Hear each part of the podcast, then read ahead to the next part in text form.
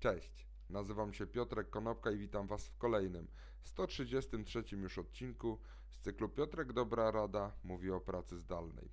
Dzisiaj powiem kilka słów na temat wdrożenia długofalowego pracy zdalnej oraz zastanowimy się, co wspólnego ma Donald Trump właśnie z pracą zdalną.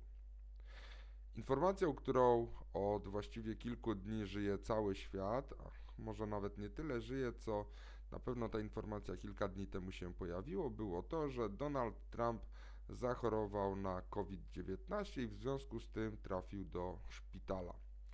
Jakie to ma konsekwencje?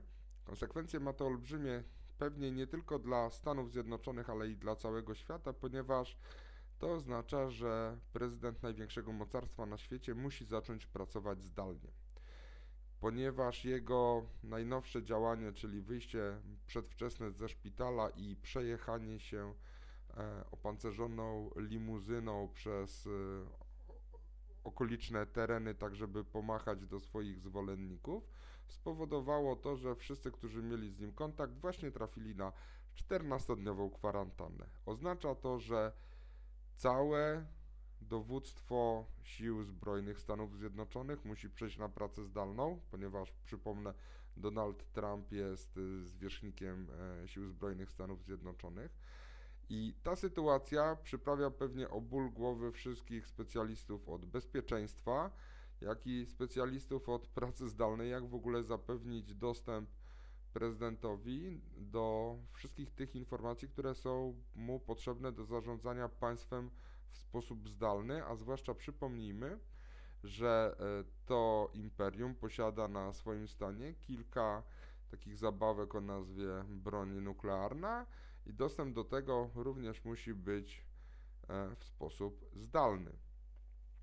Ale wracając bardziej do rzeczy przyziemnych, Większość liderów zarządzających firmami mówi, że przeszło przez y, pandemię, przez ten okres ostatnich kilku miesięcy w sposób zadowalający. Właściwie wszyscy są z siebie zadowoleni, ale tylko jeden na trzech z tych y, zarządzających ma w ogóle wdrożony jakiś długofalowy plan dotyczący pracy zdalnej.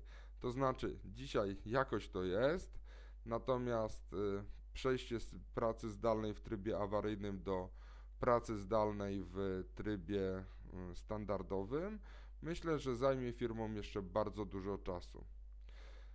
Myślę, że to już będzie też odcinek następny, który poświęcę badaniu e, przeprowadzonemu przez firmę Terminal. Jest to firma, która zajmuje się e, pracownikami z branży technologicznej i pomaga rekrutować inżynierów.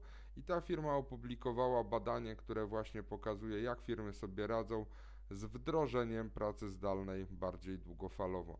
Ale tak jak powiedziałem, to będzie już materiał na jutrzejszy odcinek. Dzięki serdeczne, do zobaczenia i usłyszenia jutro. Na razie.